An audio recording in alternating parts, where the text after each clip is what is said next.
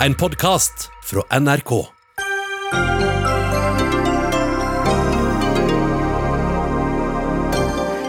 Jubelscener da Norge fikk plass i FNs sikkerhetsråd. Men hvor mye kan vi egentlig påvirke? Tysk dokumentar har avdekka en enorm bruk av smertestillende midler i idretten. Et stort problem også i Norge, sier tidligere landslagsspiller i håndball Anja Hammerseng Edin. Lege raser mot stengte sprøyterom i sommermånedene.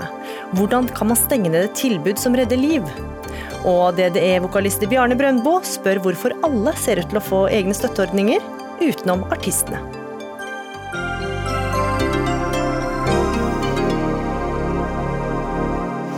Ja, du hører eller ser på Dagsnytt 18, der du også skal få høre at Stortinget vedtar ny E18 inn til Oslo og sender en bompengeregning på 17 milliarder kroner til bilistene.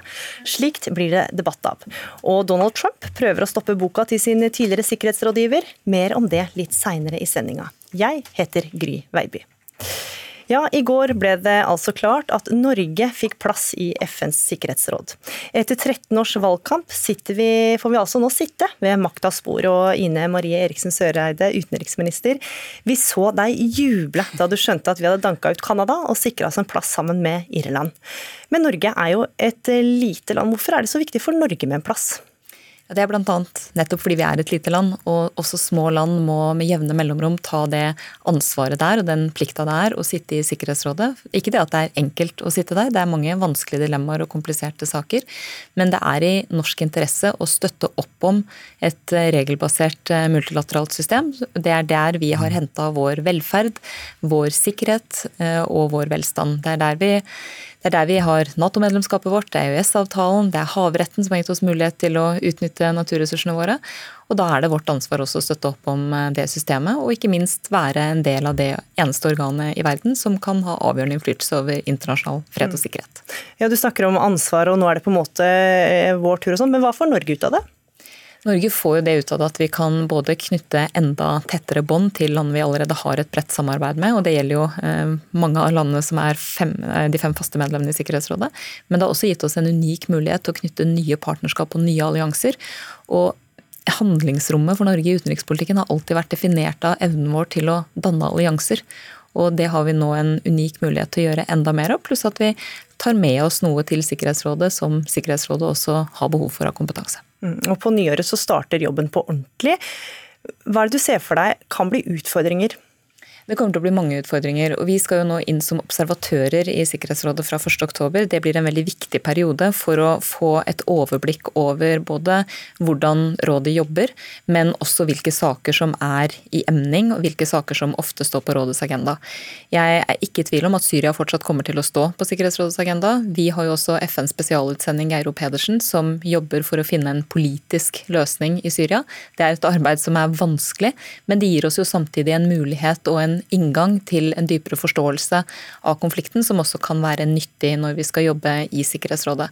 Men jeg tror det er viktig å være klar over at selv om det kommer til å være krevende, selv om det kommer til å være veldig mange dilemmaer, så har også et eh, lite land som Norge mulighet til å jobbe på en litt annen måte enn de store landene. Og det er også noe av det som kan gi oss det rommet vi trenger for å kunne gjøre en forskjell. Men det betyr jo ikke at vi, vi kommer til å, å, å, løse alle saker, eller at vi kommer til å bidra til at uh, Sikkerhetsrådet ikke lenger har saker på agendaen. Men det er mulig å få til noe, også fordi at de valgte ti medlemmene nå jobber bedre sammen. Mm, men du snakker om uh, Syria, og da kan man jo Norge fort havne i en skvis da, mellom sterke interesser i Sikkerhetsrådet. Er du enig i det? Det, for å si sånn, I den daglige utenrikspolitikken i Norge så er vi alltid i en situasjon der vi må gjøre interesseavveininger. Det må vi nå i stadig sterkere grad gjøre mellom USA og Kina, fordi at stormaktsrivaliseringa mellom de to har blitt sterkere og sterkere, og det kommer den til å fortsette å være. Og det, det, å tro at et land som Norge eller et hvilket som helst annet land bare kan gjemme seg bort og ikke ta stilling til det som eh, er på den internasjonale dagsordenen, det mener jeg er en helt feilslått eh, forståelse av hvordan et land som Norge opererer i utenrikspolitikken. Men det blir kanskje tydeligere når man sitter i Sikkerhetsrådet? Ja, på en måte kan det bli tydeligere. På den annen måte så kan det også gi oss en mulighet til å jobbe med landene som er uenige på en annen måte, og dermed også gi oss noe større rom. Igjen, dette blir ikke lett, men jeg syns eh, Sverige er et godt eksempel på hvordan man kan jobbe med en sak som er veldig fastlåst. I Syria-spørsmålet så er det er vel den saken på rådets agenda det legges ned veto flest ganger. Det er Russland som legger ned veto hver gang, av og til sammen med Kina. Det svenskene klarte å få til, var en resolusjon om grensekryssende bistand inn til Syria. Og Den klarte de å få til ved, ved å unngå at noen brukte veto. Eh, og Man trenger jo da 9 av 15 stemmer for at en sak skal gå igjennom. Det var mye kreativt diplomati. Det var mye hard jobbing. Men det var samtidig et godt bilde på at det er mulig å få til ting hvis man da kan jobbe litt annerledes.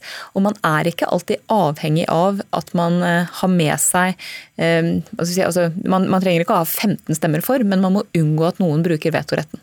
Men det vil si da egentlig at eh, da trenger man ikke nødvendigvis å ta noen valg da, mellom sterke stater?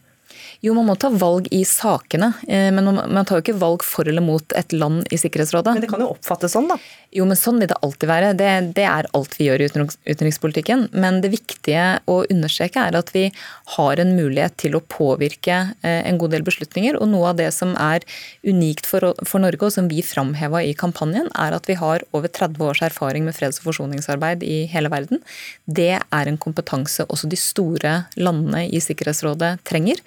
Og Sikkerhetsrådet handler jo ikke bare om å autorisere maktbruk i konflikt, det handler også om å forsøke å forebygge og løse konflikter, ha sanksjoner og bidra i fredsbevarende operasjoner. Mm, men vi husker alle fredspristildelinga som gikk til Liya Chabot i 2010, og det utløste en diplomatisk konflikt mellom Norge og Kina som varte ganske lenge. Tåler Norge ny konfrontasjon med Kina? Men jeg jeg er ikke enig i premisset om at alt skal være en konfrontasjon, for det om vi ikke nødvendigvis er enig i spørsmål. Altså, etter eh, Eller konflikt, eller altså, det, ja, man oppfattes som det? Det kan man for så vidt si, men på den annen side, vi er jo i dag i en posisjon hvor vi har et bredt og godt forhold til Kina, men vi markerer også veldig tydelig uenighet, spesielt når det gjelder menneskerettigheter. USA er vår nærmeste allierte, uavhengig av hvem som sitter med makt i USA. Men vi markerer jo allikevel sterk uenighet, enten det gjelder straffesanksjoner mot ansatte og familiemedlemmer til ansatte i Den internasjonale straffedomstolen, eller at USA trekker eh, seg ut av Verdens helseorganisasjon. Så de avveiningene, eh, balansering av de hensynene, de gjør vi hver eneste dag for å ivareta det som er norske interesser. Er dette en fjær i hatten for deg som utenriksminister? Nei, dette er først og fremst en enorm laginnsats over 13 år. Det er mange som har lagt ned en fantastisk innsats, og jeg sa i går, og det sier jeg veldig gjerne igjen, jeg er utrolig stolt av gjengen i UD, både hjemme og ute, som har lagt hele hjertet, hele sjela i kampanjen, og som fortjener en stor og varm takk. Og en, en særlig takk vil jeg nok rette til eh, Sikkerhetsrådskampanjeteamet vårt, som Ragne Ragnhild Limerslund leder, og til FN-delegasjonen vår i New York, som Mona Juel leder. De har selvfølgelig dratt enormt mye av lasset, særlig nå i den eh, veldig intensive sluttspurten. Mm. Nils Nagelhus eh, Skia, du er seniorforsker ved Norsk utenrikspolitisk institutt. Hvem er dette med stas for nordmenn flest, eller diplomatene? Ja, først vil jeg bare begynne med å si gratulerer til utenriksministeren og til alle de utenriksdepartementene som har stått på i mange mange år og, og klart å, å, nå fram da, med, med, kampanjen sin. Det er 13 års valgkamp. Mm, det er langt. og, og hvem, hvem, det er mest stas for, om det er mest stas for Norge eller for, for diplomatene, det, det, det, er jo litt uh, uh, Ja, det spørsmålet er litt sånn vanskelig å svare på, men det, altså, det er stas for alle, tenker jeg. Mm. Det er stas for Norge fordi det er viktig for Norge. Det er en av grunnpilarene i norsk utenrikspolitikk å, å støtte opp om FN og multilaterale verdensorden. Uh, og jeg tror helt sikkert det er stas å være diplomat og jobbe i Sikkerhetsrådet. Mm, men hvor mye kan Norge nå egentlig påvirke da med denne plassen? Altså Det er noen strukturelle føringer med Sikkerhetsrådet som ikke kommer uten, de ligger, utenom. De ligger der. Det er liksom at det er 15 land, det er fem faste med vetorett, og det er ti valgte som sitter der i to år av gangen og ikke har vetorett. Så vi må ha med oss vetomaktene. Uh, og det er veldig sånn konsensusfokusert råd, så vi må liksom jobbe med å skape enighet og bli med på, på ting og, og, og ha, uh, jobbe i kulissene og sånn for, for, å få til dette her. Så der er det muligheter uh, å ha innflytelse ved å, å liksom utnytte handlingsrommet som ligger under vetoretten og under de fem faste. I tillegg til det så er det viktig å, å trekke fram at uh, Norge skal mest sannsynlig ha presidentskapet i to perioder. Det er, det er, 15 land som roterer på det å ha én måned hver. Og så det, skal vi være med i 24 måneder, så, så, jeg vet ikke om det blir to måneder eller én måned ennå.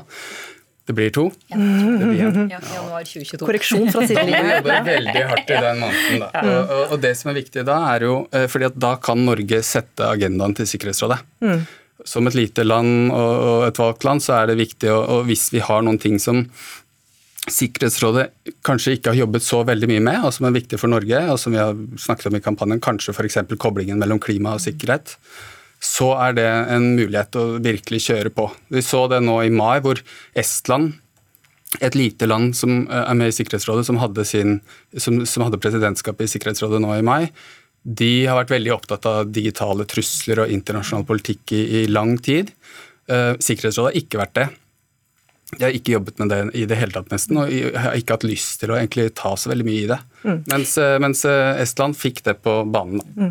Jeg fortsetter med deg, Janne Haaland Matlari, professor i internasjonal politikk ved Universitetet i Oslo. Hvor stort handlingsrom vurderer du at Norge har med den rollen?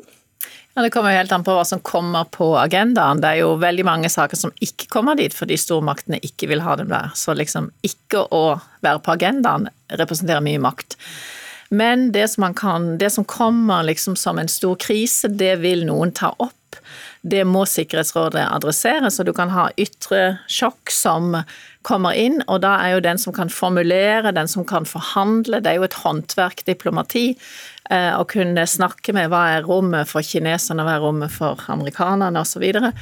Hvis man legger inn mye arbeid i det, som Norge helt sikkert gjør, så vil man kunne ha stor innflytelse. Det er noe som heter penholder, som er en sånn rolle. Den som skriver utkast til tekster, det er jo veldig mye makt i det.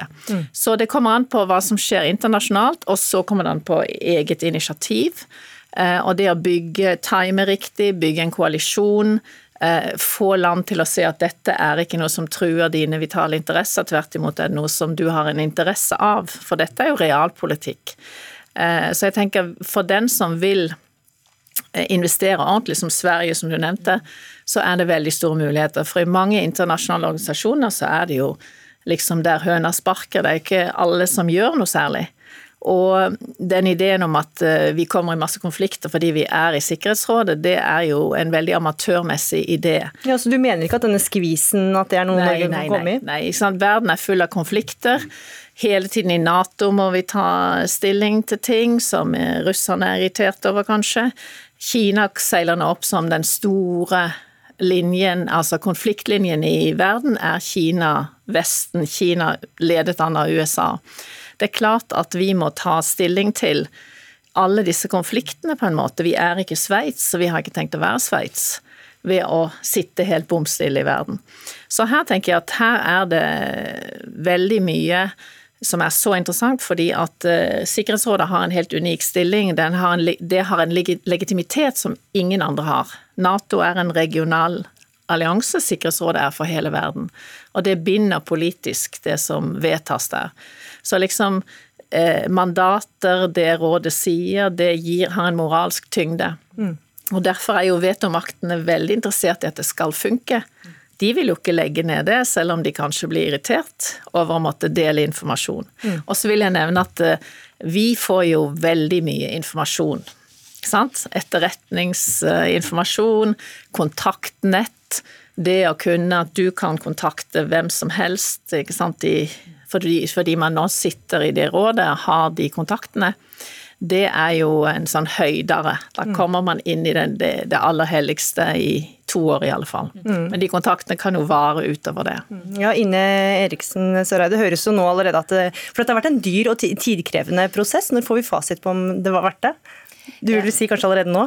Ja, jeg vil si det har vært verdt det, fordi for norsk eh, utenrikspolitikk og norske interesser så har vi jo både fått oppdatert og oppgradert egentlig hele norsk utenrikstjeneste gjennom den kampanjen vi har ført i mange år.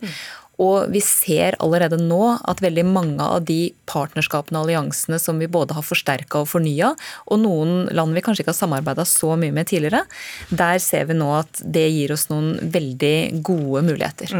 Og I januar neste år så starter altså ambassadør Mona, Mona Juel, som skal representere Norge i Sikkerhetsrådet. Takk for at dere var med i Dagsnytt 18.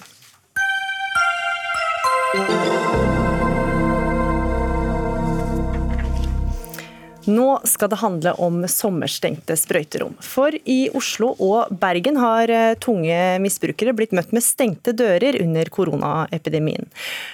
Pandemien. Og i Oslo vil ikke dørene åpnes igjen før 10. august. Sommeren er høysesong for overdoser, og nå slår dere alarm. Arne Skulberg, du er overlege ved Oslo universitetssykehus og forsker ved NTNU. Du jobber i ambulansetjenesten i Oslo. Hvordan merker dere at sprøyterommene er stengt? Eh, vi merker jo at det er minst like mange overdoser som før. Og vi vet at det er flere overdoser som, på sommeren som vi kommer inn i. Forskjellen fra til vanlig er at nå skjer alle overdosene der hvor det er utrygt å overdosere, og faren for å dø det øker for de som injiserer. Ja, For nå frykter du over, flere overdosedødsfall? Ja, det må vi jo. Det, ja, ja, det er jo i, i, den tryggheten som brukerrommet representerer, den er tatt bort. Mm. Hva syns du om at uh, sprøyterommene er sommerstengt, da? Ja, eh, Det er jo kjempetrist. så vi i Ambulansetjenesten er jo Jeg skjønner at det kan være vanskelig å åpne, men, men det er klart at er, dette er helse, et helsetilbud med øyeblikkelig hjelpsfunksjon. Og jeg skjønner ikke at det kan være forsvarlig eh, å holde de stengt. Mm. Og I hovedstaden som må rusmisbrukere vente helt til 10.8 med å få tilgang til sprøyterommet i Oslo sentrum. Rina Mariann Hansen, byråd for arbeid, integrering og sosiale tjenester. Hvorfor kan dere ikke åpne opp før? Dette handler jo om eh, hvilke folk vi har tilgjengelig, i stor grad. Eh, det er sånn at både vaktplaner og ferielister er lagt på et tidspunkt da vi hadde en helt annen smittesituasjon i landet og i byen. Eh, og nå er jeg glad for at vi faktisk har fått satt en dato. I Bergen har de, så vidt jeg forstår, ikke det engang ennå. Uh, og vi må jo også gjøre en konkret vurdering helt ned på detaljen neste uke med tanke på smitte, hvordan vi håndterer smittesituasjonen osv. med datoen 10. Uh, august. Mm, men hva med alle disse rusmisbrukerne da, som ikke kan oppsøke sprøyterommet? Hvor skal de gjøre av seg? Nei, og Vi har vært veldig opptatt av at vi både når ut med informasjon til de i vår befolkning som trøbler med rus eh, gjennom korona. Vi var nødt til å stenge brukerrommet på et ganske tidlig tidspunkt. Vi har desentralisert utdelingen av brukerutstyr, som er veldig viktig. Eh, og vi har også eh, økt utdelingen av Analoxon, som er en motgift for mm. de som ikke er helt inne. Det er en slags motgift mot overdose. Populært forklart. Mm. Vi har også økt tilstedeværelsen vår i de åpne rusmiljøene. Og så håper vi at det kan bidra, men ikke minst så er det jo viktig for oss å si til de som er i risiko for overdose, eh, at det er mange ting man også kan gjøre, prøve å gjøre, for å unngå å, eh, å sette en overdose.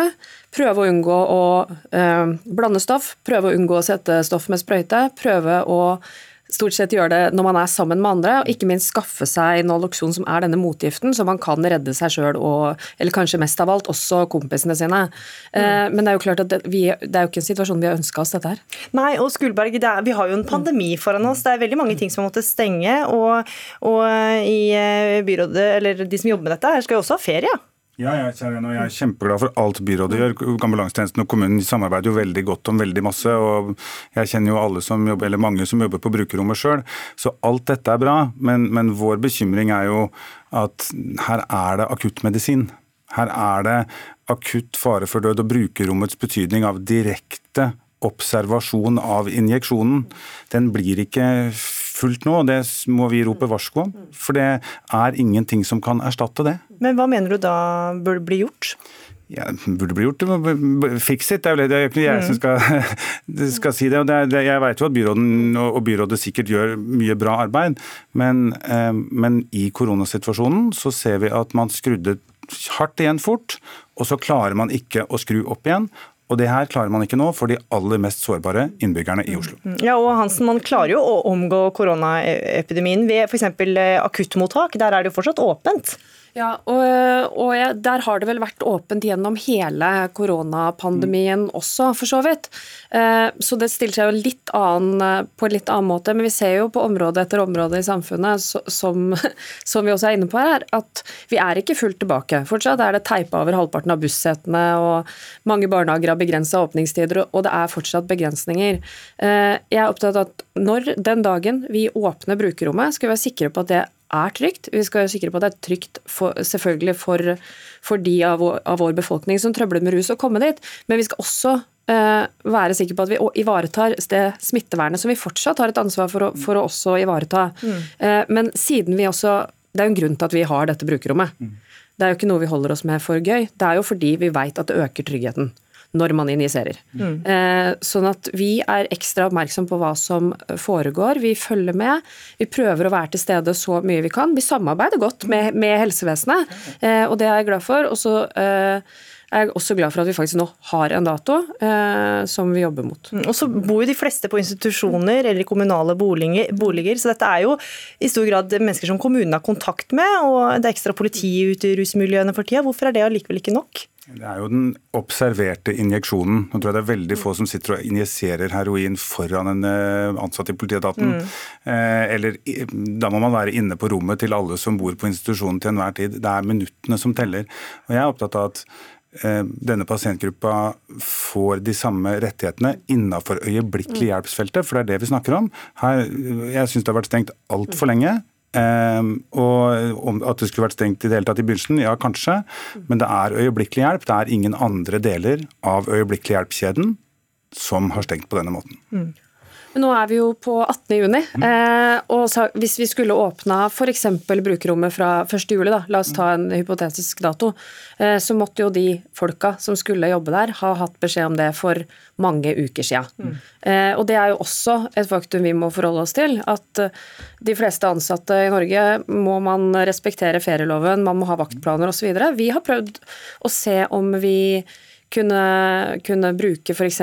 folk fra bemanningsbyråer, vikarbyrå. Men der er det vanskelig å finne folk som har denne kompetansen. Det er jo ikke sånn at du bare kan hanke inn hvem som helst med helsefaglig utdanning fra gata heller. Det er jo en egen kompetanse å jobbe på brukerrommet, som også er en trygghet for de som bruker det. Mm. Og lenger enn dette her kommer vi ikke i Dagsnytt 18 i dag. Takk for at dere var med, Arne Skulberg, eh, overlege, og Rina Mariann Hansen, byråd for arbeid, integrering og sosiale tjenester, og politiker fra Arbeiderpartiet.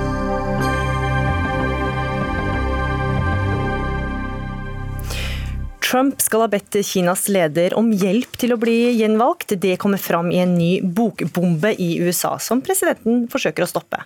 Men hvor mye svekker nok en skandale Trumps sjanser for å bli valgt på ny? Ja, det får du høre om snart. For nylig publiserte den tyske fjernsynskanalen ARD en dokumentar der flere spillere og klubbleger beskriver en fotballhverdag med overforbruk av helt vanlig smertestillende og betennelsesdempende midler. Overforbruk av smertestillende blant idrettsutøvere er også utbredt her hjemme. Anja Hammerseng Edin, du er tidligere landslagsspiller i håndball og har også skrevet bok om eh, tematikken. Hvor stort er dette problemet i Norge? Dette problemet er ganske stort i Norge, både blant yngre spillere og også blant eh, toppidrettsutøvere i dag. Fordi vi ser yngre spillere som lever i en frykt for å bli glemt hvis de takker nei til en samling fordi de er skada. Og så ser vi toppidrettsutøvere som opplever en enorm belastning. Mm. Hvilke erfaringer har du da som eh, toppidrettsutøver eh, gjennom mange år? Jeg erfarer jo at for å holde ut, så er det veldig mange som bruker Voltaren, bl.a. Og det er også mange som eh, får det her allerede i ung alder av foreldrene sine. Noen henter det fra land for å få det billigere inn i Norge, og andre får det av foreldre og deler ut til andre på laget fordi vi har lyst til å vinne kamper og fordi eh, vi er gira på å ha med de spillerne som for vi bryr oss om hverandre og vi tror at det er en tjeneste. Mm, ja, for dette er altså da for å bøte på skader, at man ikke kjenner smertene under en kamp f.eks. Ja, det er for å bøte på skader, og så er det også fordi at vi skal holde ut og trene nok til å få den utviklinga som vi har lyst til å få. Mm. Hvilke historier har du hørt, da? Jeg har hørt altfor mange, dessverre, og jeg, brenner veldig for tematikken. Eh, vi har unge utøvere som eh, bruker Voltaren før trening fordi det skal være et såkalt viktig uttak neste uke på et kretslag. Og så har vi også toppidrettsutøvere som kommer hjem fra mesterskap og nærmest er i abstinenser fordi de har tatt så mye Voltaren. Og det er litt skremmende. Mm. Ja, for som du sier så er det jo ikke bare i toppidretten at dette er et problem. Men eh, hvor eh, utbredt vil du si at det er eh, blant, innen breddeidretten og blant unge? Det er veldig utbredt. Jeg har skrevet en bok om det der jeg intervjua over 100 unge spillere i alderen 12 til 20 år. Og det er en stor bruk av Ibux, Paracet og også selvfølgelig Voltaren. Og det er mer og mer akseptert og mer og mer godkjent at vi må bruke det for å holde ut, og de får det også av både trenere og foreldre. Er trenere som vet at spilleren er skada, men likevel setter han utpå fordi det er en såkalt viktig kamp. Så det bekymrer meg litt. Mm. Anne Froholt, du er eh, idrettslege for håndballjentene siden 2009. Kjenner du deg igjen i det din peker på? Jeg må si jeg blir både lei meg og egentlig ja, litt sånn indignert når jeg hører det. Jeg vet at det er et problem. Og, men at det er liksom så utbredt, det er, det er, ikke, det er ikke, ukjent for meg. Men, men jeg, jeg, jeg, kjenner til problemet, absolutt. Og ifølge den tyske den dokumentaren, så lurer jeg jo litt på om tallene er riktige, rett og slett. Jeg tror de er høyere. Du tror de er høyere enn det de står ja, det, ikke, det tror jeg kanskje det kan være. Mm. Absolutt. Dessverre. Hvilke erfaringer har du da med bruken av smertestillende blant utøvere? Eh, utøvere bruker en del smertestillende. Vi gir jo ut noe, ikke sant. Når det er eh, Jeg er jo med på, på landslagsnivå. Eh, og det er klart at Er det skader, så gir vi ut smertestillende. Det er ikke noe tvil om. Vi har blitt mye mer restriktive de siste årene. Jeg må si jeg syns jeg brukte, eller ga det ut mye, mye mer for noen år tilbake. Samtidig, tidligere når jeg begynte i min karriere, så var jo det å sette kortisonsprøyter, det gjorde vi egentlig ganske ofte. Det gjør vi nærmest ikke lenger. Mm. Så jeg, min private eh, holdning eh, og praksis er blitt mye mer restriktiv de siste årene, rett og slett. Mm. Hva, hva viser forskninga om konsekvensene av dette? Vi vet veldig mye av konsekvensene på kort sikt. Disse medisinene de kjøpes i håndkjøp. altså Du kan kjøpe de på bensinstasjon og på Rema 1000. Eh, og de er egentlig potensielt veldig skadelige. Det er masse skader, masse bivirkninger med disse typer medikamentene på kort sikt som vi vet noe om. Mm. Det vi ikke vet så mye om, er langtidsbivirkningene. Eh, men det er klart at når, når korttidsbivirkningene er såpass store, så vil man jo forvente at det ikke er noe særlig bedre på lang sikt. Mm. så Utfordringen med å avdekke bruken av smertestillende, kan du ikke si noe om det? Dette er kjempevanskelig. Mm. fordi at eh, nettopp eh, så er det det vi får rapportert, det er veldig ofte mindre enn det som brukes. Det er, et, det er en underrapportering på disse medikamentene, helt åpenbart. Og Hva er grunnen til det, da? Nei, Det er jo som Anja sier, at disse preparatene kjøper de jo selv. De får fra foreldre, de får fra trenere, de får fra kamerater. ikke sant? Sånn at, eh, og de kan ha de på en måte i toalettbagen sin og ikke si at de bruker det. Og så kan de i tillegg kanskje få noe av helsepersonell hvis de får en akutt skade, som de da kanskje bruker, og så har de det andre ved siden av. Så at her er det liksom store mørketall, tror jeg. Mm. Eh, Anja Hammerseng Edin, og det at man får kjøpt disse preparatene over eh, disken, eh, og hvem som helst kan kjøpe det når som helst, har vel også ganske mye å si for bruken? Ja, definitivt. Jeg forstår veldig godt uh, hva Anne sier. For det er, det er, ikke alt som går via legene, og det er ikke alt vi har lyst til å avsløre til det medisinske apparatet. Fordi at vi har ikke lyst til å bli sett på som noen som må stå over kampen, eller noen som er svake. Og vi ser også I noen kontrakter så er det jo mennesker som har spille- og kampbonuser. At vi får mer utbetalt hvis vi spiller flere kamper. og Da er det ikke så veldig gøy å si ifra, kanskje. Mm. Men eh, vi ser at det er en veldig, veldig stor bruk av det. Og så er det det er vanskelig da, å stoppe et menneske som har en sterk passion for noe. Mm. Vi har også invitert Norges idrettsforbund hit. De sier de tar tematikken på alvor, men ønsker å avvente rådene fra NIFs uavhengige idrettsmedisinske etikkutvalg før de kommenterer. Og der sitter du, Ingar Lerheim. Du er idrettsprofessor og du har vært idrettslege i mange år. Hva har dere gjort for å stoppe dette? Ja, dette er kommet eh, oss for øre på offisielt vis ganske nylig. Eh, som mangeårig personskadebehandler og skadeforebygger så har jeg jo hatt eh, en del kunnskap om dette fra før. Jeg har hatt svært mye idrettsutøvere som pasienter, og har måttet plukke av mange av dem medikamenter som de har kjøpt på egen hånd, eller kanskje fått av litt mer uforsiktige kolleger. Denne saken den vil komme opp på et eh, seminar som vi har planlagt eh, høsten i år. Eh, det er blitt noe forsinket pga. den epidemisituasjonen som vi alle må ta hensyn til. Men at det må tas tak i dette, det er hevet over enhver tvil. I Norge så er det henimot 1000 kolleger av meg som har tatt tilleggsutdannelse i idrettsmedisin, og vi har alle en sterk forpliktelse i å bidra til kunnskapsformidling omkring dette. For det er farlig, det kan være direkte livsfarlig, som også Anja Hammerseng Hedin direkte sier. Eh, jeg er imponert over den datainnsamling hun står for, og det er en stor støtte for oss i det forebyggende arbeidet som vi er nødt til å jobbe mye med i den aller nærmeste fremtid. Jeg vil også tilføye at jeg syns det er helt eh, eh, fantastisk å høre at foreldre fòrer ungene sine med slike potensielt farlige medikamenter eh, for at de skal tåle treninga av utøveren. Det er dårlig behandling av ungene. La dem få fred og ro til de er friske. Mm, men, du, men du snakker om forebyggende tiltak her, men hvor stort fokus har dere hatt på det? Når dere snakker med idrettsutøvere ja, vi, vi, vi skal som, som, sagt ta dette som en sak nå ganske snart. Eh, dette utvalget Men du sier at du har kjent til det lenge? Meget, jeg har kjent det lenge og har eh, selvfølgelig deltatt i forebyggende informasjon i 30-40 år omkring dette. Jeg har arbeidet veldig mye med antidoping. og Dette er ikke doping, men Eh, advarsel mot bruk av eh, medikamenter i unødig sammenheng. Det har vært en del av jobben i veldig veldig mange år. Eh, når vi får nå dette på bordet på den måten vi har fått her, så vil dette ganske helt nye rådet som, vi, som Idrettsforbundet har opprettet, de, de, må ha dette som en av sine mange viktige oppgaver.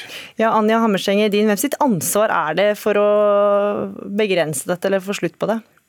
Det er et veldig spennende spørsmål. Er det spillernes personlige ansvar å ta vare på sin egen kropp, eller er det noe treneren kan gjøre her? Og jeg tror definitivt at det er noe trenerne kan gjøre for å uttrykke hva som er akseptert og ikke akseptert i vår kultur, i vårt lag. Og Vi ser jo nå eliteserietrenere i fotball som går ut og sier at spillerne må tåle det tøffe kampprogrammet. Og et sånt utsagn, der tenker jeg at du skal være ekstremt trygg på spillergruppa di, at de faktisk tør å si ifra da, når skaden kjennes for hvis treneren går ut med en sånn holdning, og vi vet som spillere at eh, det her sånn, det er det jeg trenger å gjøre for å kunne hevde meg nasjonalt og internasjonalt, så sitter det ganske langt inne å si fra om en skade hvis jeg ikke er trygg på treneren. Mm.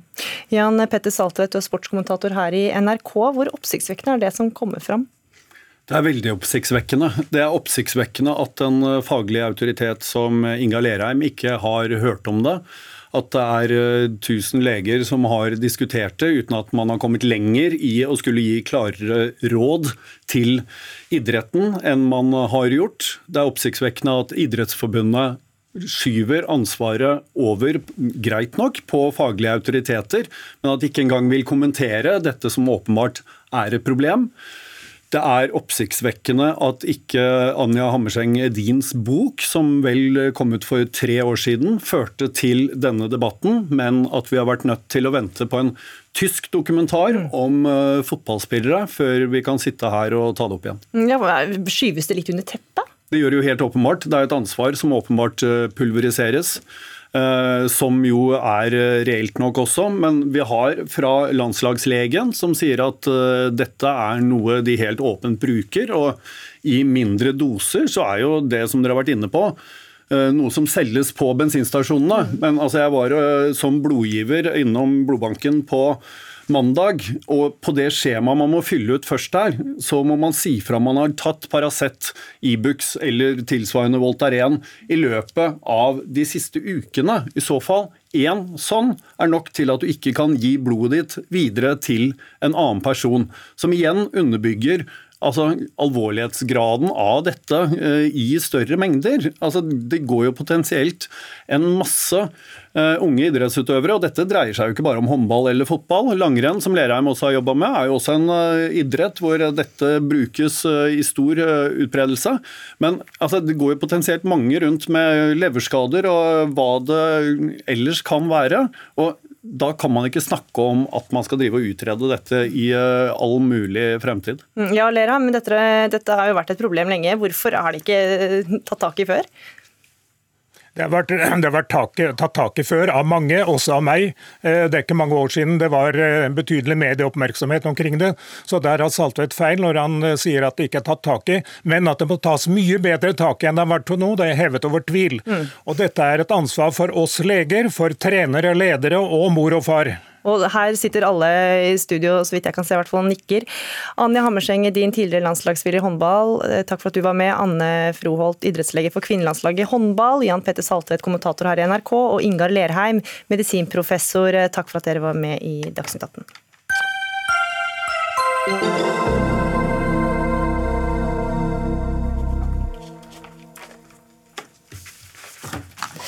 Artister, band og arrangementbyråer har gitt opp håpet om store konserter og pakkeopplevelser i år. I sommer kan inntil 200 personer samles, men det er ikke nok til at det kan gå i pluss for de store aktørene i kulturbransjen, som lever av å samle tusenvis til festivaler, konferanser, firmafester og pakketurer. Og ifølge Folkehelseinstituttets Preben Aavitsland kan dette fortsette både neste sommer og sommeren etter det igjen. Stortinget utvida så seint som i går hvem som kan bli kompensert, men eh, fortsatt er langt fra alle fornøyd. Bjarne Brøndbo, du er vokalist i DDE. Du er glad for dem som får, men hvem mener du er taperne her? Du ser nå en eh, i TV-ruta her nå. Det, jeg må slå av telefonen. Vi ser deg i TV-ruta. Sorry. Uh, jeg er jo en, av de store taperne. Og jeg representerer jo meg sjøl, DDE, Hellbillies, en hel masse vi var unge menn som satsa på en karriere self-made og lyktes. og har hatt eh, gode år med stor suksess. Eh, har et stort apparat. Og det er jo en gang sånn du kan diskutere høna og egget, men artisten er viktig for at tekniske apparatet og sjåførene og arrangørene skal ha noe innhold, de skal ha et navn på plakaten. Og, og vi artistene vi får faktisk ingenting. Jeg har kikka nå på Mitt, jeg har et aksjeselskap, og de siste fem årene så har jeg gjennomsnittlig omsatt for 4,2 millioner for å være artist. Altså det å underholde mennesker.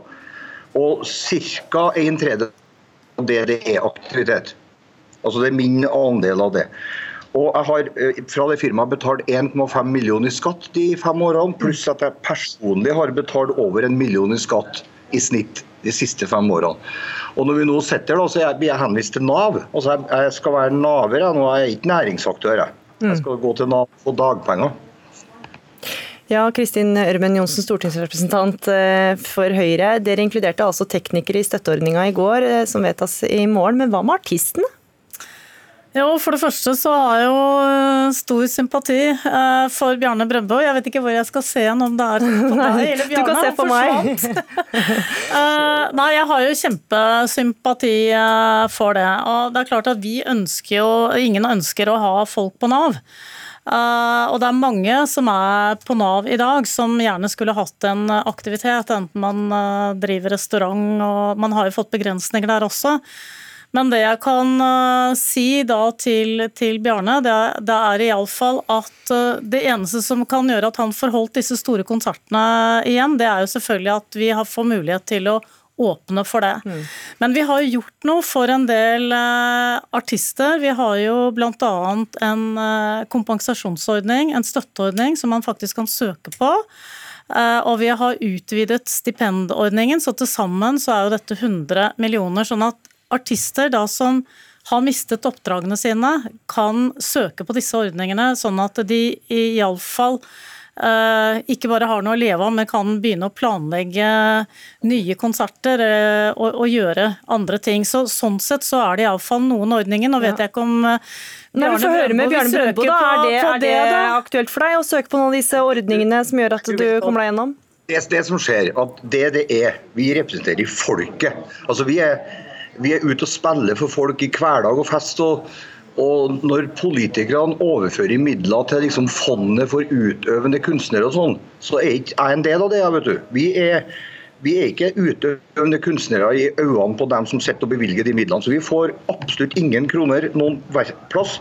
Og det, det, det er forsvinnende irriterende. Så, for det første, mitt aksjeselskap som ikke har noen ansatte, men som da får alle inntektene jeg genererer, får ikke noe kompensasjon, for du må ha ansatte for å få kompensasjon. Og jeg som selvstendig næringsdrivende som mister all inntekt, får ingen kompensasjon annet enn å gå til Nav og få dagpenger.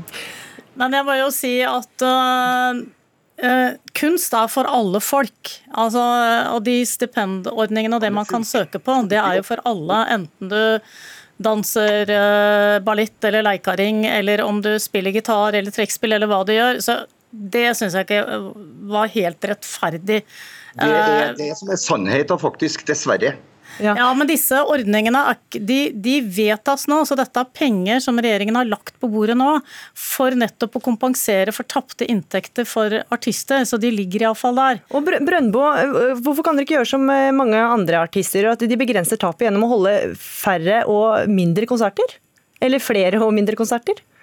Altså vi, DDE har, Det blir som å be Rolling Stones om å spille på Løkka. På, altså, vi driver og spiller på arena, på stadion. Vi har et stort apparat med masse teknikere. og Folk har en forventning til innpakninga når vi skal opptre. Vi kan ikke liksom reise rundt som Alf Prøysen med kanutten og kassegitaren. Liksom folk vil ha showet. de vil ha de vil ha det visuelle. Altså, Alan Walker kan ikke være DJ uten lyseffektene. jeg skal dra inn en eh, tredjeperson her. Si, ja, skal, du kan få si snart. har vi ja, faktisk fått ja, ordna med. Ja, Knut Meiner, du er styreleder i arrangementsselskapet Common Stageway. og Dere får i likhet med næringslivet kontantstøtte og, og andre ordninger. Og I går ble altså flere grupper innlemmet i kompensasjonsordningen, nemlig alle som driver med teknikk. Hvorfor er ikke det nok? Nei, La oss si hvem vi er først, for det tror jeg ikke politikerne vet. Og min meddebattant her visste ikke hva jeg drev med, eh, så jeg møtte i gangen der.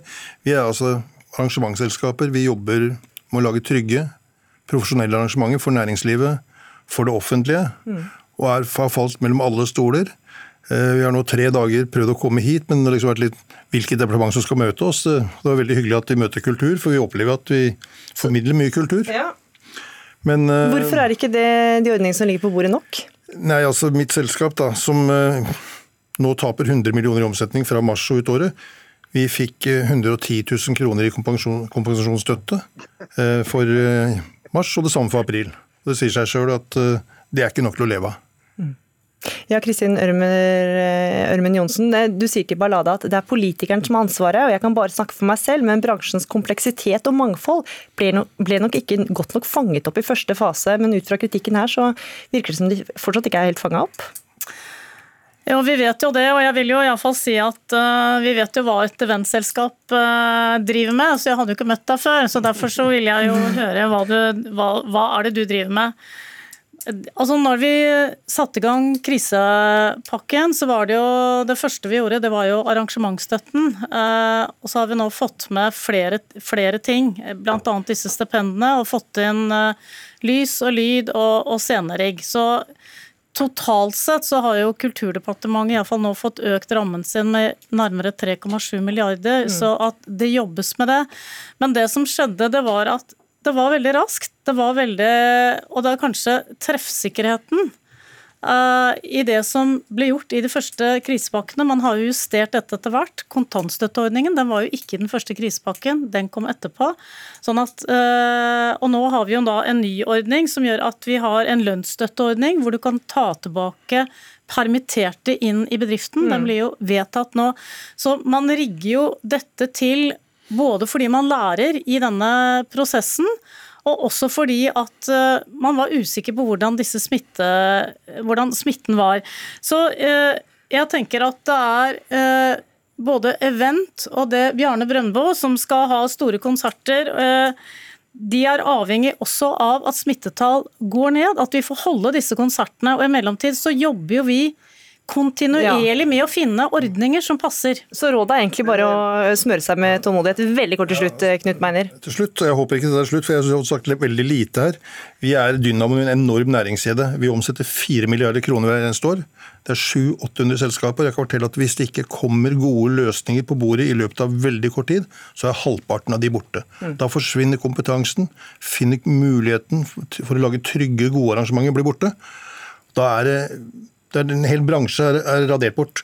Det må dere bare sørge for at det ikke skjer. Og nå har du i hvert fall fått eh, gitt tydelig beskjed ja, om det. Det er klart Kristin vi skal jobbe med dette og jobbe med kulturnæringen. Ja, kulturpolitisk talsperson for Høyre, takk for at du var med. Knut Meiner, styreleder i Stageway. Og Bjarne Brøndbo, vokalist i DD, takk for at dere var med i Dagsnytt 18. Hør Dagsnytt 18 når du vil. Radio NRK Radio.nrk.no.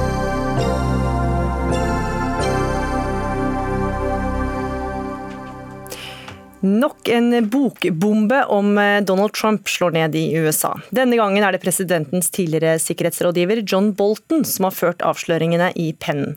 Han omtaler Trump som uegna som president, og på Twitter i dag så slo Trump tilbake og kalte utgivelsen en samling løgner og fantasihistorier skapt for å sette ham i et dårlig lys. Førsteamanuensis ved juridisk fakultet ved Universitetet i Oslo, Sofie Høgestøl, du har studert i USA og har fulgt amerikansk politikk tett over flere år. Hva er det som er så eksplosivt i denne boka at Trump forsøker å stoppe den? Oh, det er et godt spørsmål. Altså, vi har jo ikke fått sett boken ennå. Den skal først egentlig komme ut på tirsdag, om den nå ikke blir stoppet i rettsvesenet. Men det som har blitt lekket, eh, for det er jo flere større medier som har fått tak i den på forhånd, og forhåndslesen, og det som har kommet frem, er sånn Det er en gavepakke med forskjellige ting, da, hvis du er Trump-kritiker. Deriblant at han, eh, han, skal ha snakket med Kina om hvordan de kanskje kunne hjelpe han med det kommende valget. Um, det er at uh, Bolton på langt nær bekrefter disse anklagene som var mot Trump i riksrettssaken som gikk i februar februar. Kanskje det mest alvorlige som kommer frem, er at eh, Bolton da angivelig mener at Trump skal ha stilt seg positivt til kinesiske interneringsleirer mot den etniske minoritetsgruppen igur, som er en eh, muslimsk minoritet i eh, Kina. Det har fått mye oppmerksomhet. Men også mindre ting, som at han skulle ha trodd at Finland er en del av Russland, og at han ikke var klar over at Storbritannia hadde en atomvåpen og sånne ting. Mm. Ja, Du nevnte det at Trump skal ha bedt Kinas leder om hjelp til å bli gjenvalgt. mm. Samtidig som han førte en handelskrig mot Kina. Hvordan påvirker disse avsløringene Trumps tilsynelatende harde front mot Kina? Ja, altså det, det, er litt interessant, for det, det, det er jo det dette går på. At han, han offentlig sier at han fører en hardfront, men under bordet så er det egentlig ikke det han gjør når han faktisk møter Kina. Og Dette har eh, særlig republikanere som er kritiske til Trump, allerede fanget opp. The Lincoln Project, som er en sånn gruppe med, med sure eks-republikanere, de har allerede laget en kampanjevideo eh, mot han basert på disse anklagene som kom ut i går. Mm. Så her spinnes det allerede. Kristina mm. Pletten, du er Aftenpostens eh, tidligere USA-korrespondent og nå kommentator i samme avis. Forfatteren av boka, altså John Bolton, er en omstridt skikkelse i amerikansk eh, politikk. Hvordan påvirker det hvilke konsekvenser eh, boka får? Altså Bolten er jo ikke spesielt populær verken på høyresiden eller venstresiden. Han er en såkalt utenrikspolitisk hauk som eh, egentlig hører litt fortiden til også i det republikanske partiet. han var tidligere knyttet til George W. Bush sin regjering. Han har vært FN-ambassadør. han er sterkt mislikt blant demokratene. og jeg tror at det påvirker eh, hans evne nå til å nå ut med dette her. Også fordi Demokratene er rasende fordi han ikke stilte opp og ga disse opplysningene når de faktisk forberedte riksretten og eh, kalte han inn som vitne. Så eh, jeg tror at hans troverdighet eh, er ikke kjempestor. Og han har heller ikke sånn veldig mange eh, sympatisører, eh, verken i liksom de partiavhengige mediene eller i, i det politiske miljøet. Da. Mm. Og det vil nok påvirke eh, måten han klarer å liksom få gjennomslag for eh, for disse påstandene i boken sin. Ja, for Du mener at det, dette, det han skriver og disse skandalene ikke nødvendigvis påvirker Trumps eh, sjanser til å bli gjenvalgt? Altså, jeg tenker at uh, Det vi ser her er egentlig bare nok en bekreftelse på det vi allerede vet. Uh, dette vet Trump-velgerne også. Jeg tror ikke at de som er de mest innbitte Trump-velgerne, de som går med røde hatter på disse folkemøtene, jeg tror ikke at de bryr seg om eh, hva Trump sier til eh, presidenten i Kina eller Erdogan eller Putin for den saks skyld. Eh, det, det, har kommet frem sånne ting før. Så jeg tror at eh, det er på en måte Det er de som allerede da var kritiske til Trump, som syns dette er mest forferdelig. Eh, det, man kan si at det, det er ille, men, men, nå er det snart fire år med dette her. Det har kommet veldig mange uh, alvorlige beskyldninger før. Det har kommet bevis på at Trump har gjort lignende ting, og det har ikke fått noen konsekvenser. Ja, og Sofie Høgestøl, eh, Presidenten bryr seg tydeligvis, da, for han vil jo nå gå rettens vei for å fjerne boka fra bokhandlerne. Kan han det? Ja, altså, de prøver, altså, Det Hvite hus prøver å ri på to hester på en gang. her. På den ene siden sier de at det er masse løgner her. Det er løgn, det er fiksjon. På den andre siden så sier de at boken inneholder gradert informasjon. Eh, og Derfor må den stoppes. altså Lanseringen må stoppes. Så De har gått rettens vei eh, på tirsdag, hvor de har gått til et sivilt, sivilt søksmål mot Bolten. Hvor de eh, for det første prøver å ta fra han inntektene for boken. For de sier at fordi at du ikke har fått den ordentlig godkjent gjennom vår prosess i Justisdepartementet, så burde vi faktisk få inntektene fra denne boken. Og så prøver de også å blokkere den fra å komme ut neste uke. Men det Bolton sine advokater sier, at det er veldig tynt grunnlag for å prøve å sensurere denne boken nå. Dere har hatt den inne til revidering. altså Justisdepartementet har hatt fått noen måneder til å lese gjennom den. den boken skulle egentlig kommet ut i mars, men de har liksom utsatt lanseringen sånn at Justisdepartementet skulle kunne lese gjennom. Eh, og, og Boltons advokater sier at Bolton har jo endret en del ting på bakgrunn av, det, av, av de tilbakemeldingene han har fått, og at boken uansett er ute. Mm. Er, vi, vi, har fått vite de siste to dagene hva som, hva som antageligvis er mest eksplosive som står står den boken. Boken er sendt ut til forlag, den kommer på tirsdag. Ja, Pletten, Kan vi få lese den her i Norge òg? Ja, det tror jeg helt sikkert at vi kan. Mm. Nå eh, skal vi legge til at den har jo fått helt elendige eh, anmeldelser. Mm. Eh, Bl.a. en helt fantastisk anmeldelse i New York Times som bare slakter den på alle måter. Så det er ikke sikkert at eh, når da alle bombene er sluppet på forhånd, at det vil bli en så stor salgssuksess som Bolten kanskje håper på. Jeg vil gjerne trekke frem en liten ting da, som jeg eh, hang meg opp i i en av sakene til Wall Street Journal, som kanskje som har trykt et utdrag av boken og har hatt gode kilder kilder på den. Eh, de skriver at eh, Bolten bl.a. hevder at Trump eh, avledet med vilje oppmerksomheten fra en skandale om at Ivanka Trump hadde brukt privat e-post. Dette er jo det som Trump har brukt mye tid på å anklage Clinton for. Og Da sier, eh, sier Poster Bolten at Trump sa at dette vil avlede oppmerksomheten fra Ivanka når han gikk ut da og angrep Saudi-Arabia. Eh, nei, mener forsvarte Saudi-Arabia og sa at eh, Khashoggi ikke var drept av Saudi-Arabia. Det jeg tror vi ser nå, er noe av det samme. Jeg tror at Trump griper dette her med begge hender. Han vet at dette ikke kommer til å skade han, men han trekker oppmerksomheten vekk, bl.a. fra koronaskandalen, som ja, og, er mye mer alvorlig. Kristina Pletten, jeg må bare avbryte deg, for vi har, har sluppet ut for tid. Vi får lese boka når den kommer. Takk for at dere var med i Dagsnytt 18, Kristina Pletten og Sofie Høgestøl.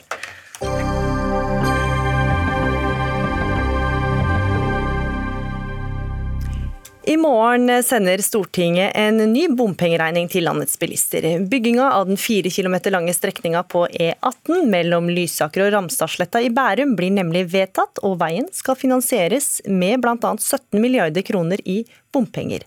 Nils Åge Jegestad, du er stortingsrepresentant fra Høyre. Har du glemt hvordan det storma rundt bompengesaken før valget i fjor? Ja, nå er det ikke riktig at det er 17 milliarder bompenger. Det er faktisk en statlig bidrag på 34% som også hører med til, til historien. Og så er Det egentlig slik at vi, det, vi, det vi gjennomfører, er egentlig den proposisjonen som statsråden til Bård Hoksrud la fram før, uh, før jul. Og den har den finansieringa som vi nå vedtar. Men det er en, det er en substansiell, substansiell, eh, bompengepris her? Ja, det er det fordi man bygger jo ikke bare en ny vei, man bygger jo også et tverrforbindelse. Man bygger kollektivfelt, man bygger gang- og sykkelveier. man bygger, Så det er jo det er mye mer enn den 4,4 km. Mm. Bård Hoksrud, stortingsrepresentant fra Fremskrittspartiet. Det er bare et halvt år siden eh, din partikollega, tidligere samferdselsminister Jon Georg Dale, sa at ingenting kan lenger stoppe E18-prosjektet. Men nå er det dere som eh, forsøker å stanse Stortinget. Hvorfor har dere snudd? Men Det er ikke riktig, for vi ønsker ikke å stanse veiprosjektet, for det er veldig viktig. Eh, for å oppskalere? vi, ønsker, vi ønsker å, å hvert fall ha det sånn som det Jon Georg Dale foreslo. Det som er trist, er jo at Arbeiderpartiet og Høyre lar seg styre av MDG og SV, de som egentlig ikke vil ha vei. Og de har vært med på å nedskalere. Regjeringa nedskalerer, Høyre er med på det. Jeg syns det er utrolig trist. Fordi dette er et viktig veiprosjekt. Det som, er, det som, er, konsekvensen av det Høyre nå går med på, det er altså at det blir mindre kapasitet på den nye veien, som bilistene skal betale over 16 milliarder kroner for å få. Og 4,4 km. Da skjønner alle at dette er en dårlig deal for de stakkarene bilistene som kommer til i framtida måtte stå lenger i kø på tross av at de også må bruke nesten 17 eh, milliarder kroner, 16,4 milliarder kroner. Nå er, det, jo ikke sånn at det er, det er, det er samme bredden på veien som det er nå. Det kommer fortsatt til å bruke Det er et kollektiv, det er et felles bruk, et bruksfelt til. I dag så går det kollektivfelt inn mot Oslo. I Nå kommer det til å gå også et, et sambruksfelt ut av byen. Det er det, det er det, nye der, men I tillegg så gjør vi en masse andre tiltak som bidrar til at lokaltrafikken i Bærum kommer ikke til å gå på E18 i samme grad. Den kommer til å gå på et lokalt veinett med, med kollektivfelt, som gjør at tverrforbindelsen i Bærum kommer til å bli mye bedre. Så jeg tror at det vil gå bra med den, det vi nå gjør på prosjektet prosjektet. Og Dessuten så skal vi ha det vedtatt politisk, og vi er avhengig av et kompromiss med de som sitter og skal garantere. Mm. Ja, men det er det, som, det er det, som er trist, trist, fordi at nå later man som at dette er det samme som det Jon Georg Dale la fram. Det er det samme, eh, og det blir bedre kapasitet. Det er jo ikke tilfellet. Altså, hvis man leser innstillinga, hvis man leser innstillinga av folk som leser innstillinga, så ser man at det blir altså mindre kapasitet på veien. I tillegg sier de at hvis trafikken øker, ja, så skal vi ha ytterligere restriktive tiltak. Det betyr at Høyre ønsker da tydeligvis enten å øke bompenger eller gjøre andre ting som skal gjøre det vanskeligere for de som skal ut på den motorveien og må stå i kø, og kommer til å måtte stå lenger i kø i framtida. Jeg syns det er utrolig dumt, og derfor er vi veldig skeptiske til det eh, Høyre nå har blitt med på. Ja, for Jegstad, Prosjektet som vedtas i morgen er jo slanka sammenligna med tidligere planer? Det er slanka nå i forhold til, og det er innsparinger på det, sånn at det blir ikke så dyrt som det opprinnelig var. Vi har, bl.a. Eh, kutta ut en eh, bussveien etter ønske fra Viken. og Den er et besparelse på 1,5 1,5 milliard. Vi har redusert eller økt avdragstida fra 15 til 20 år. Det er en reduksjon av bompengene på 15% I tillegg så har vi en situasjon hvor det er veldig lav rente. og det, også, så det vil også påvirke kostnadene. Men vi har forholdt oss da, istedenfor å nedskalere kostnadene, så har vi holdt oss til det, eh, den finansieringa som Jon Georg Dale la fram før jul.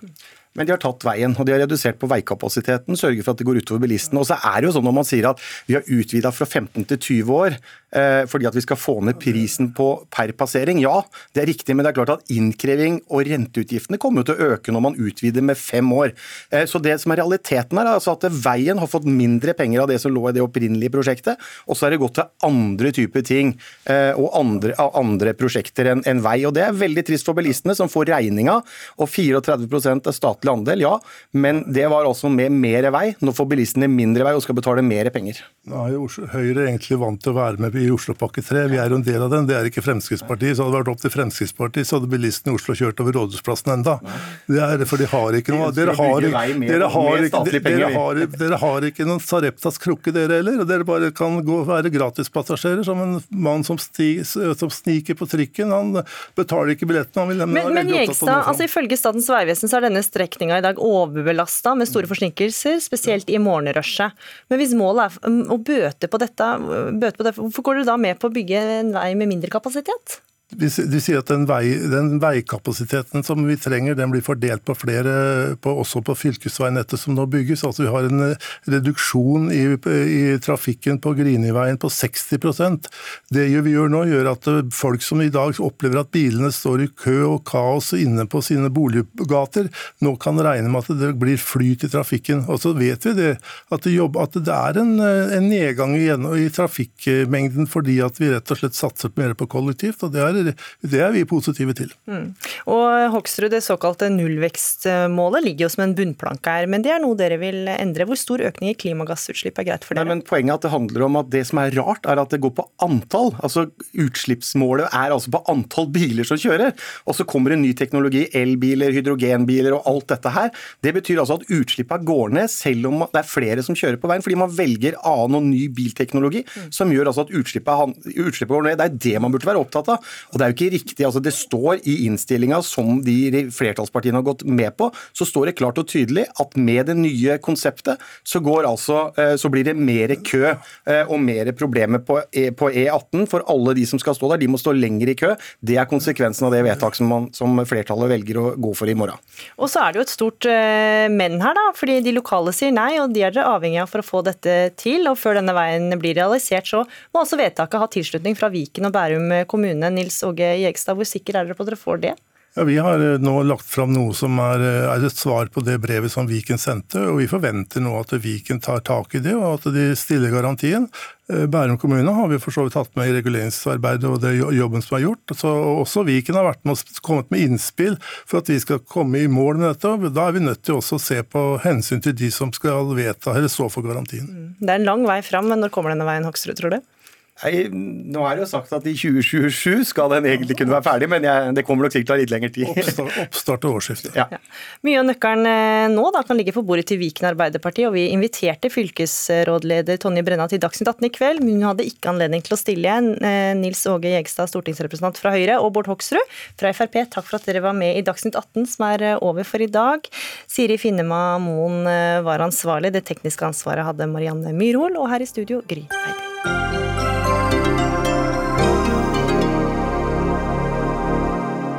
Du har hørt en podkast fra NRK.